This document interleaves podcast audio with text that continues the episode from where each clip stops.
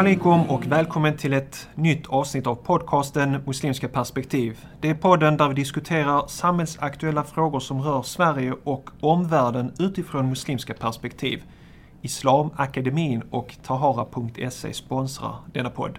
Jag heter Sally och tillsammans med mig har jag Salahuddin. Salam alaikum. Alaikum salam rahmatullah. Hur är läget? Alhamdulillah. Det är bra. Jo, alhamdulillah. Det är bara bra. Det ämnet jag tänkte vi ska prata om idag handlar om renhet i Islam. Mm.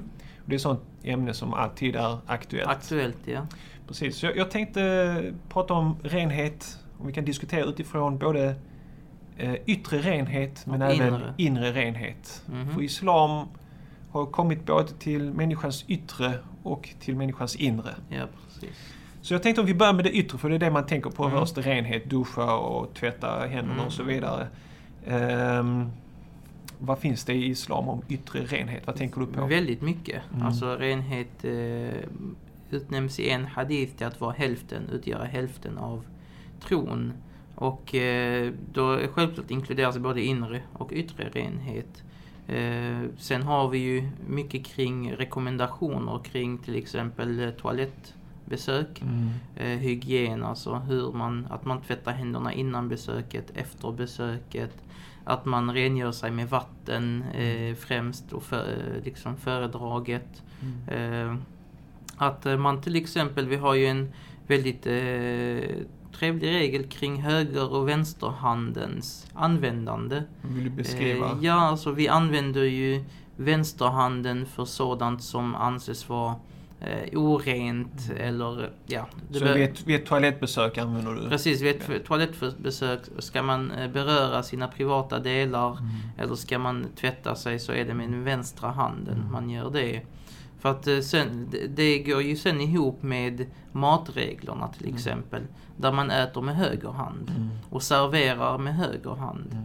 Så att du kommer inte ut liksom ut ur toaletten. Även om du har tvättat handen efter toalettbesöket så kommer du inte ut och börja dela ut brödbullar eller frukt med vänstra hand. Är du med? Det hade Så varit lite jobbigt. Ja, ja men det, det är fint. så att Och det, det är ett vissa- system. Det är ett helt system, komplett system som... Och till och med så pass mycket Men så det, att man... förlåt att jag Mm, avbryter, men ja. det, det är så, för vissa tycker att det är så här, islam styr så mycket, det finns så mycket regler i islam, Mm. till- och med den styr ditt toalettbesök. Men när man Mm. tittar på det så är det liksom bara logiskt. Mm. Och det är Det- någonting som är fint. Det är intressant att du tar upp det argumentet mot islam. Det gjordes även på profetens tid. Mm. Må Guds frid vara över honom. De kom, det nämns i en känd hadith att de kom till, eh, jag för mig det var Salman al-Farisi. Mm. Så er vän lär er allting i minsta detalj, till och med hur ni går på toaletten. Ja, ja. Då sa han, ja, Alhamdulillah vi tackar Gud för att ha äran att fått lära oss hur man har, är ren. Mm. Och hur man rengör sig, Mm. renligheten. Så att eh, för oss är det, det, alltså till och med hur man och detta är etikettregler oftast. Det är inte, måste, det är inte obligatorium. Det är inte så Nej. att du blir syndare Om du inte- ifall du utelämnar eh, mycket av det i alla fall. Mm. Eh, då- vi har till exempel sånt att man Exempelvis när man tvättar händerna eh, innan maten, Mm. innan man ska äta. Så är det rekommenderat, eh, nämner vissa lärare då, att, att man inte torkar händerna. Mm. Varför? Jo för att eh, när du sätter dig på matbordet så ser andra att du har tvättat händerna. Mm. Alltså man, är, man, man har betänke, alltså man beaktar andras känslor och andras... Precis. eh, Han sätter sig inte vid matbordet utan... Men du vet, som, som så här europé som jag är som uppväxt här. Jag tänker, who cares om han har tvättat sina händer eller inte? Mm, Men om man tänker på att på den tiden så åt man med händerna. Också den rekommendation att Mm. äta med händerna och att man bjöd varandra på mat. Så blir det där extra Absolut. viktigt. Men det gör det även idag. Mm. Dukar du fram, räcker du mig ett glas Mm. Och jag vet att du har precis varit och snytit dig med den handen och kanske inte tvättat dig. Så tar du det glaset, hur fräscht är det? Ja. Eller räcker mig en skål med, Ja. alltså man rör ju, man berör ju Du ändå. vet det härligaste är när man är på en sån här arabisk middag eller något sånt. Och man sitter Ja. kring en stor tallrik med ris och kyckling. Och Ja, en bror precis. bara sträcker fram handen liksom. Här ta en kycklingvinge och sånt ja, där. Du visst, visst. Ja, så. Men då, då är det att man är försäkrad om att personen har tvättat händerna Mm. och är ren och Mm. följer systemet generellt sett. Alltså använder inte högra handen till sina toalettbehov och Precis. eh, snyta sig och liknande. Mm. Så att eh, det, det, ja, det är en viktig del, Mm. den praktiska yttre renligheten är självklar. Sen har vi tvagningen Mm. som är en del av det rituella, alltså som en del av vår dyrkan till Gud. Mm. Eh, Så vi dyrkar Gud genom även en fysisk renlighet, även om den också har en inre Genom innebörd. att man tvagar händer, fötter, ansikte, och så Ansikte vidare. ja, och den rituella duschen, alltså Mm. badet, rosul, Mm. är också ett närmande till Gud genom en tvagning, Mm. en rituell eh, tvagning av ett slag. Mm. Så att eh, det är en viktig del av Islam, Mm. Utan tvekan, eh, renligheten. Mm. Både den fysiska och det man kan se det är att den är alltid kopplad till den inre. Mm.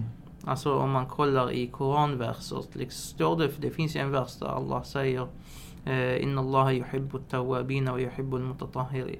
Sannerligen älskar Gud de som ständigt eh, renar sig och de som ständigt vänder sig till Gud i Mm. ånger. Mm. Mm. Eh, så att det, man kopplar den inre renligheten med den yttre. Alltså Ja. ångern som är inre renandet av synder Mm. till eh, det yttre renandet. Och denna dua, denna bön är också rekommenderat efter man har gjort tvagning. Mm. Att man säger, O Gud, Mm. gör mig utav dem som ständigt renar sig och de som ständigt vänder sig till dig Mm. i ånger. Mm. Jag kommer ihåg när jag var ung, jag gick i grundskolan i Sofielund och läraren, SO-läraren, han kom en dag till klassrummet så höll han en liten träkvist i handen.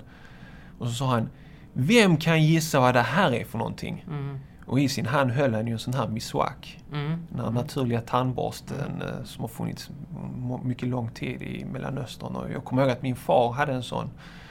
Så jag räckte upp handen och bara, jag vet, jag vet, det är en sån som man rengör tänderna med. Så, Hur visste du det? Liksom, ja, min pappa är muslim och sådär. Ja, så berättade han liksom Mm. historien om Mm. miswak. Det var ganska häftigt. Mm. Och man kände sig själv också att man växte. Vet, för man var liksom den enda muslimen i klassen Mhm. och sen så hämtar läraren någonting som man kan associera, som man Ja, vet och precis. ingen annan vet, känner till. Och det är Och- rekommenderat att använda den Miswaken, ja, precis. inför varje bön. Ja, precis. Det, det, hadithen lyder att det hade inte varit en börda för min eh, Ja, umma. Alltså för så min, hade jag befallt dem. Alltså Ja. hade jag gjort det obligatoriskt för dem Precis. att utföra det. Men Ja. det är en rekommendation, en stark rekommendation. Det, det ri- intressanta är när man läser då till exempel europeisk historia om de här kungarna som levde under medeltiden Mm. och så. Och det, man läser om hur de beskriver de här kungarna och deras andedräkt och att Mm. deras tänder var ruttna och det bara stank liksom Ja, från ja, deras precis. mun och så. Och att så långt tillbaka, liksom 1400 år sedan, så använde absolut. araberna och afrikanerna, jag, jag tror att miswaken är- har ännu äldre Säkert, säkert. Eh, Absolut. Men att den har använts så länge i den muslimska Mm, världen. Mm. Och du vet, i Tahara-butiken så säljer vi ju miswak. Ja. Jag hade en somalisk eh, dam som kom nu och köpte miswak. Så Mm. sa hon, när jag var i Somalien, hade vita tänder. Mm. När jag kom hit här, slutade använda miswaken och började använda den här plasttandborsten så har jag fått dåliga tänder. Mm. Subhanallah. Så, men jag, jag brukar ge den rekommendationen att använd vanlig tandborste men Och använd använd miswak som ett komplement. Och nu har det ju kommit ut ett eh, företag, jag vet inte om du har sett deras reklam. Jo, jag såg det är ett tjeckiskt företag Ja, och så, som ja. har kommit ut med liksom raw toothbrush. Och det Ja, är det miswak. Ja, ja. De springer runt liksom glada europeiska ungdomar liksom och, och eh, borstar sina tänder med den. Eh, och som muslimer har använt så länge. Och, och där de liksom framställer alla det, det goda med den här. Mm. Så att den neutraliserar Ja, pH-värdet och det har gjorts undersökningar, vetenskapliga undersökningar på den. Den, Mm. De har visat sig vara väldigt bra. Nej, det är Alhamdulillah att vi har fått en religion som eh, vägleder oss i livets alla skeenden. Mm. Alltså även i det mest basala, det mest mänskliga. Mm. Eh, vägleder det oss. Ja, och det, är- för mig är det ett tecken på religionens fullkomlighet. Ja, idag har vi fullkomlighet. Eh, Religion. religion, Mm. precis. Och den... Eh, att, att man, man eh, eh, liksom ge- ger eh, kroppen... Det handlar ju egentligen om att ta tillvara på ens kropp. Det är en Mm. amana. Alltså det är, en, det är någonting vi har fått, en gåva vi har fått. Eh, som egentligen inte är vårt fullt ut. Mm. Utan någonting vi får låna. Eh, det tillhör Gud egentligen. Det är därför jag tycker det är lite problematiskt när man hör människor som går och, och har den här slagen, rätten till min kropp och jag får göra vad jag vill med min kropp och den är min och du har ingenting att säga, speciellt från lite så feministiskt håll. För att Ja, ja. som muslim tänker jag, nej den är inte helt och hållet Nej, inte din. enligt vår förståelse. Ja, så, Nej, ja, precis. precis. Utan det... Och när muslimer använder den slogan så Ja. alltså man, det, man tenderar att glömma lite. bort Gud Mm. i det hela. Nej, jag, jag tror just allmänt när vi använder slag, alltså mycket av vår aktivism måste börja förankras i Mm. muslimska värdegrunder. Mm. Eh, det, jag känner att det har gått lite för långt. Men det är en annan diskussion. Ja, det är en annan diskussion. Det var lite sidoämne. Ja, det är lite aktuellt nu så jag Ja, tänkte ja, precis. första maj. Bing, bing! Yes. Ja. Men jag tror det viktiga ändå i slutändan om vi pratar lite om den inre. Mm. Det är ju... Eh, en in- Innan, innan ja. vi går till inre så Mm. måste vi tala om en av dina största passioner. Ja, Eh, som också har blivit min passion på senare år. Eh, parfym. ja. Vill du berätta lite grann om det? För det har ju också med precis. renhet att göra men också att man går ett steg längre och parfymerar Precis. sig och luktar gott. Precis, och parfymerandet ses i Om vi tar islam- ditt personliga intresse först. Ja, mitt personliga intresse, det, alltså, det har jag haft länge. Mm. Jag har en väldigt känslig eh, näsa, om man säger så. Jag är mycket känslig för dofter. Ja. Eh, och kan typ så här urskilja vilka ingredienser som finns. Mm. Både i parfymen men även i mat och sånt här. Du vet. Okej. Eh, man är väl född så. Jag, vet Det finns något som heter finsmakare, men en findoftare. Ja, det finns väl sånt också. Ja. Det finns, jag, jag har sett någon dokumentär om det. Människor som är anställda åt eh, Ja, parfymföretag. ja, det finns. Ja, Ja, ja, som precis. doftar. Det hade varit något för mig. Absolut. så, nej men jag, jag, och jag, jag har en särskild kärlek för dofter som är naturliga. Mm. Eh, så som odolja. Mm. Det är någonting som eh, jag ja, väldigt eh, uppskattar väldigt mycket. Även amber. Mm. Eh, musk, Traditionella. Ja, traditionella. Eh, rosdoft, alltså olika växter, blommor. Men då pratar vi riktiga grejer, inte Riktiga de här grejer, kemikaliska nej, nej, 49 nej, kronor nej, liten... Nej, nej, precis. Utan de oljorna som jag talar om, de, de kostar ju 3 milliliter, eh, Mm. kanske 2000 kronor eller Mm. någonting så här. Och då använder du bara en halv droppe och så håller det Ja, i... inte ens det. Man använder inte ens en halv droppe utan Mm. man sätter jättelite. Och Mm. man blandar ofta Ute. dofterna. Man blandar ut det med, så att man kan... Ros är lite billigare till Mm. exempel. Eh, Så då kan man blanda od med ros eller od med amber. Mm. Och eh, de, eh, ja, det, det är ju annorlunda dofter. Det har Mm. faktiskt blivit jättepopulärt i väst Ja, senare. ja, absolut. Od, eh, Od. Svenska heter det örnträd. Okej, det Och det är ju ett träd som växer egentligen som är väldigt utsatt tyvärr på grund av den här marknaden. Ja. Men det finns plantager och liknande. Mm. Eh, det är egentligen ett träd som växer i sumpmarker, alltså i väldigt våta områden. Mhm. Och eh, som, för att inte träd ska mögla, så utsöndrar den en olja. Okej. Den oljan skyddar då det här Mm. trädet. Den, eh, det är den oljan man utvinner Mm. eh, och gör parfym utav. Mm. Man kan också ta träflisor. Så använder man det som rökelse, man sätter det på kol. Så ser man till och med oljan sippra upp så här Mhm. av värmen Ja, eh, och avdunstar sen. Så att eh, den, den eh, od har blivit jättepopulär i västerländska parfymer. Mm. Alla stora varuhus tillverkar det idag. Mm. Eh, Gucci, Versace, du vet alla de här eh, parfymerna, kända parfymer. Jag var, på Rich, parfymer. jag var på Rituals. Mm. Du känner till den här mm. kedjan. Och då hade de också en sån serie med Oud och lite andra. Precis. Så här. Och de har gjort lite mer exklusiva och de är oftast utspädda. Det är Ja, ja, väldigt absolut. lite ord i Det är parfymerna. inga riktiga grejer sådär. Nej, nej. Så, ja, nej men det var... Ja, och, och kopplat till islam är det ju att profeten Muhammed Sallam hade också, det var en av hans stora passioner i livet, var parfym Precis, också. Mm. precis. Och det ses ju som en... Man brukar säga att man kan slösa pengar i sraf, alltså Mm. slöseri, i nästan allting. En utav dem man inte kan slösa på, Mm. det är parfym. Mm. Det räknas inte som slöseri. Så- För att det är någonting som eh, du för med dig av godhet till andra. ja, du sprider det. Mm. Precis. Mm. Doften är inte bara till för dig själv utan även för andra. Mm. Och det blir som en slags välgörenhet Mm. till och med en sadaka. Så Jag, jag ja. tänkte också, profeten Sallam, det finns väl en hadith också, om någon bjuder dig på parfym så ska du inte tacka, Tacka nej, nej, precis. Vad brukar vara lite ett issue när man kommer till moskén, du vet, så kommer fem, Ja. sex olika bröder med sina olika parfymer och... Ja men det här, du vet, hade det varit riktiga parfymer eller Okej. är det här billigt eh, liksom, Så kan man tacka nej? Ja, det, jag tackar nej. Ja. Du vet vad det är inte... eh, Det är nästan, jag mår nästan sämre. Ja, alltså jag kan precis. få huvudvärk och sånt om det är en billig parfym. Eh, det, det luktar liksom i kemikalier. sitter Ja, och sen du vet.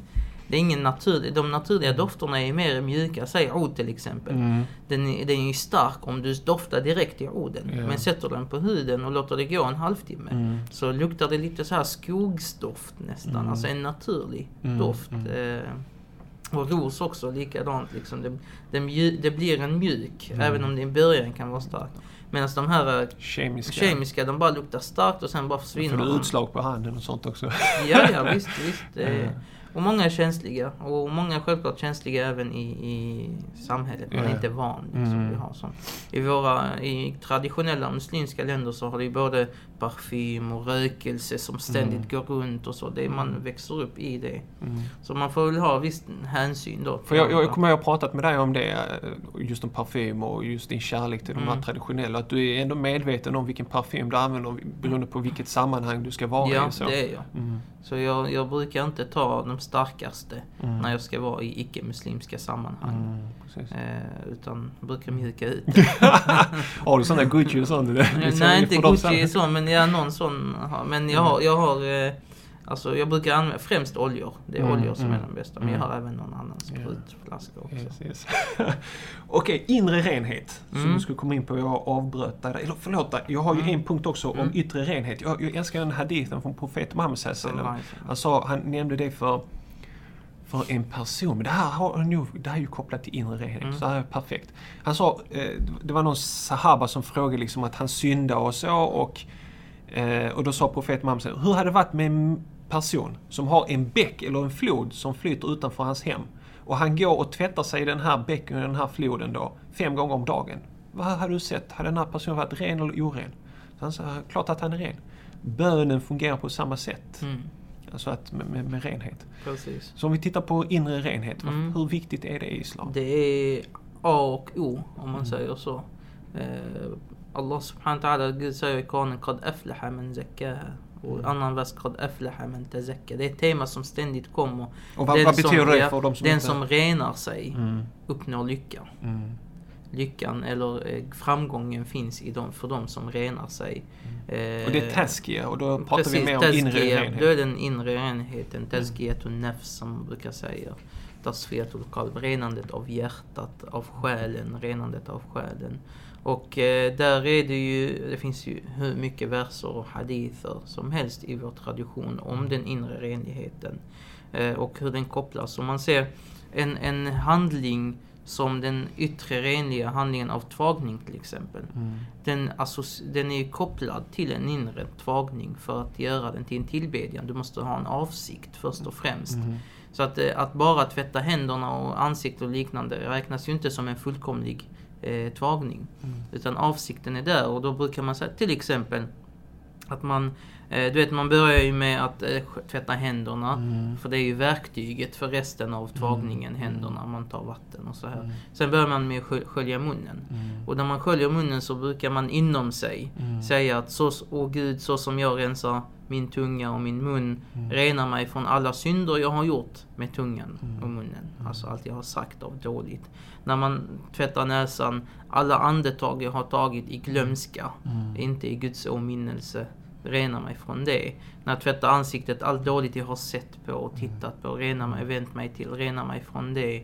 När man tvättar händerna, allt ont jag har gjort, har jag skrivit någonting mot någon? Öronen, allt som jag har öronen, lyssnat allt jag har på. lyssnat på, Ja. huvudet, alla dåliga tankar jag haft om människor och så vidare. Så att det, det, Fötterna också, får vi inte glömma alla, alla platser man har Ja. gått till som, som man har gått med en dålig avsikt kanske. Mm. Och så här.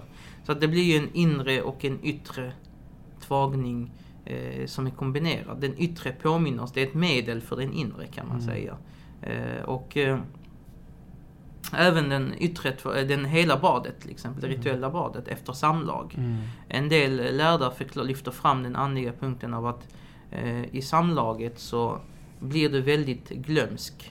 Särskilt i ti, alltså, samlagets eh, vad ska man säga, slutpunkt. Peak Så, ja, ja, så i det tillfället så glömmer du nästan Gud Mm. fullständigt med hela din kropp. Mm. Eh, och därför behövs hela kroppen sen Mm. renas och Mm. återvända till Mm. Gud. Mm. Eh, i, liksom i avsikt att... Eh, så att det handlar ju om Guds åminnelsen och det är Mm. Guds åminnelse. Man brukar säga, det finns även hadither eller citat ifrån texterna där den säger att allting rostar. Mm. Eh, och allting, allt som är rostat kan poleras och hjärtats polermedel är Guds åminnelsen. Mm. eh, bönen, koranrecitation. Det renar våra hjärtan. Synder befläckar dem. Mm. Det finns en autentisk hadith som säger att var gång en människa syndar Mm. så fläckas det med en svart prick. Mm. Och sen varje gång man ångrar sig så försvinner det här. Och Risken är att det kommer fläck på fläck på fläck tills hela hjärtat Mörknar, omkapslas precis. av mörker. Precis. Och, och sjuknar och dör. Mm. Och blir hårt. Mm. Och det är någonting som varnas för Mm. i Koranen. Hårda hjärtan. Det finns ju den här koranversen som lyder i svensk översättning. Den dag då varken rikedom eller söners mångfald ska vara till gagn och då bara den kan känna sig trygg som stiger fram inför Gud med rent hjärta. Hittar Mm. man i kapitel 26, vers 88-89. Mm. Nu själva den arabiska inte, det står inte rent, rent ordagrant. Nej, det är Qalbin Salim, men det är ja. väl en tolkning av Ja, vad ja. Qalbin Salim är. Precis. Fridfullt eh, skulle jag säga mer kanske. Ja. Ett fridfullt hjärta. Alltså, som inte hyser agg mot någon. Som är vänd till Gud och underställt Gud. Och fyllt med Guds åminnelse och Guds kärlek. Mm. För jag, jag tänkte på lite det här med orenhet vad gäller då inre orenhet. Mm. Om vi kan ge några exempel på det. Alltså inre orenhet till exempel högmod, Mm. avund. Mm. Liksom de här eh, kända synderna. Precis. Där man går runt och ser ner på människor. Att hysa agg mot andra Mm. människor och liknande. Mm. Eh, önska andra illa. Till Precis. exempel. Det är typiskt. Eh, man kallar dem för hjärtats sjukdomar. Mm. Eh, så att det är, och det är någonting som man som muslim ständigt kämpar med. Och det är något som är obligatoriskt att kämpa med. Mm. Om man kollar i rättsläroböckerna, Fuqaha, så är de överens om att den som inte har kalb salim Mm. är det obligatoriskt, fard ain, alltså eh, individuellt obligatorie att försöka bli av med de här sjukdomarna. Mm. Bli av. Så de är lika obligatoriska som att utföra bönen eller fastan. Att kämpa med de här inre. Man måste hela tiden självrannsaka sig och se vilka, vilka sjukdomar har jag inombords, inre sjukdomar eller inre Precis. orenhet om man säger sådär. Precis. Försöka tvätta rent det med eh, goda handlingar Mm. och så. Mm. Jaha, har du några fler funderingar kring detta? Kring renhet och islam? Nej, alltså det, vi har ju pratat på en individuell eh, nivå. Mm, ska man kunna prata om umma? Eller? Ja, om umma och om samhällen liksom. Eh, och där tror jag, för att den individuella, vi utgör ju beståndsdelar av ett samhälle. Mm. Och där kan jag tycka att det, det har brustit, alltså på den samhällsnivån. Mm. Av olika orsaker. Eh, I många delar av den muslimska världen. Och man ser det tyvärr hos vä- väldigt många muslimer här i Sverige. Pratar vi om yttre renhet? Yttre, ja, yttre renhet Ja, eh, på umma-nivå. Mm. Eh, men även inre om man Mm. säger så. Men yttre, yttre renhet specifikt, alltså man kan se muslimer liksom bara Slänga. slänga skräp på, marken ute och... Det var en imam i Rosengård, en ung imam, Mm, som mm. på sin Facebook-sida hade tagit en bild på liksom, eh, soppåsar som någon hade ställt utanför sopstationen. Mm. Alltså dörren dit. Och så Mm. bara hade han tagit en bild och bara liksom så här kan folk göra, bara lägga sina sopor Mm. utanför dörren. Och det är ett- liksom ett Så Kvarter- gör man i många i... kvarter med många Mm. muslimska... Ja. Så gör man i många så kallade muslimska Mm. länder också. Man ställer soporna utanför för att man inte har ett system. Eh, för att städerna byggda liksom Mm. när inte sånt fanns. Och, ja. Det är, lite, det, det är klart, det, det, det, det tar på en. För man tycker liksom att det som religionen lär ut, Mm. så, så våra samhällen eller våra grannskapsområden där det finns mycket muslimer här borde varit de mest rena områdena. Och tyvärr, nu när man tittar. Och vet, jag, jag, jag träffade en från Pakistan och så vi pratade om det här, så sa jag till honom, ja men vet, det är social utsatthet och sådana här grejer som jag... Men det förklarar inte att du bara slänger liksom en chokladpapper vänster Absolut eller du inte. vevar ner bilrutan och slänger din cigarett ut från bilen. Så. Absolut inte. Jag köper inte det. för Nej, ett jag kör. Så att han, han den där Pakistan, han gav mig en läxa. Så jag glömmer Mm. aldrig det där. Mm. Så det där bortförklaring med sociala faktorer. Till en viss nivå, ja jag kan förstå det va. Mm. Men inte de här... Inte när vi har islam. Jag inte menar, när du har en sopstation precis bredvid och man Ja. har byggt ut. Även om du inte skulle ha haft Mm. det.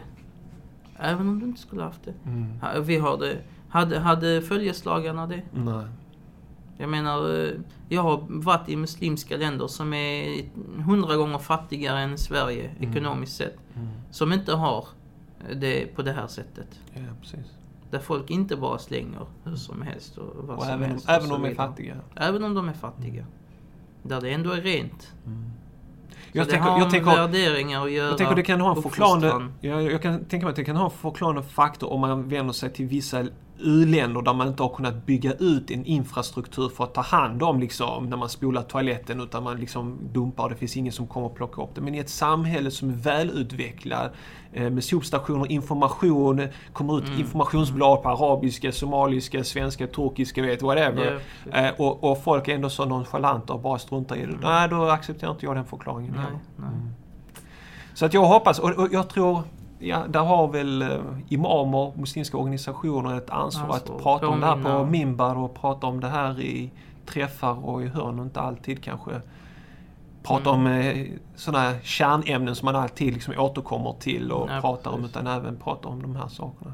Det har ju imamen gjort i Stora moskén i Mm. Malmö, det kommer jag ihåg. Vet, moskén där i Malmö, Stora moskén, Mm. de har ett stort grönområde Mhm. som ligger nära Rosengård. Och Ja, precis. Under sommaren så är det många familjer som går och har picknick. Mm. Så imamen han kom tillbaka, han var frustrerad. Han var liksom, vi går och har picknick och folk plockar inte upp efter sig. Mm. De har sin picknick, bränner och slänger sina sopor bara, sen bara går de vidare. precis. Ja, det, jag, Ja, det, det är gör mig jätteirriterad alltså. Där, det, det krävs ingen informationskampanj och så, utan det är bara... eh, Böter. Ja, men och, och det är bara ren, eh, du vet, Ja, ja, visst. akel alltså. Skulle du göra så hemma i ditt vardagsrum, liksom Nej. bara lämna soporna så? Nej. Nej. Vi får Yes. jobba på den biten och bli Ja. Mm. bättre där, inshallah.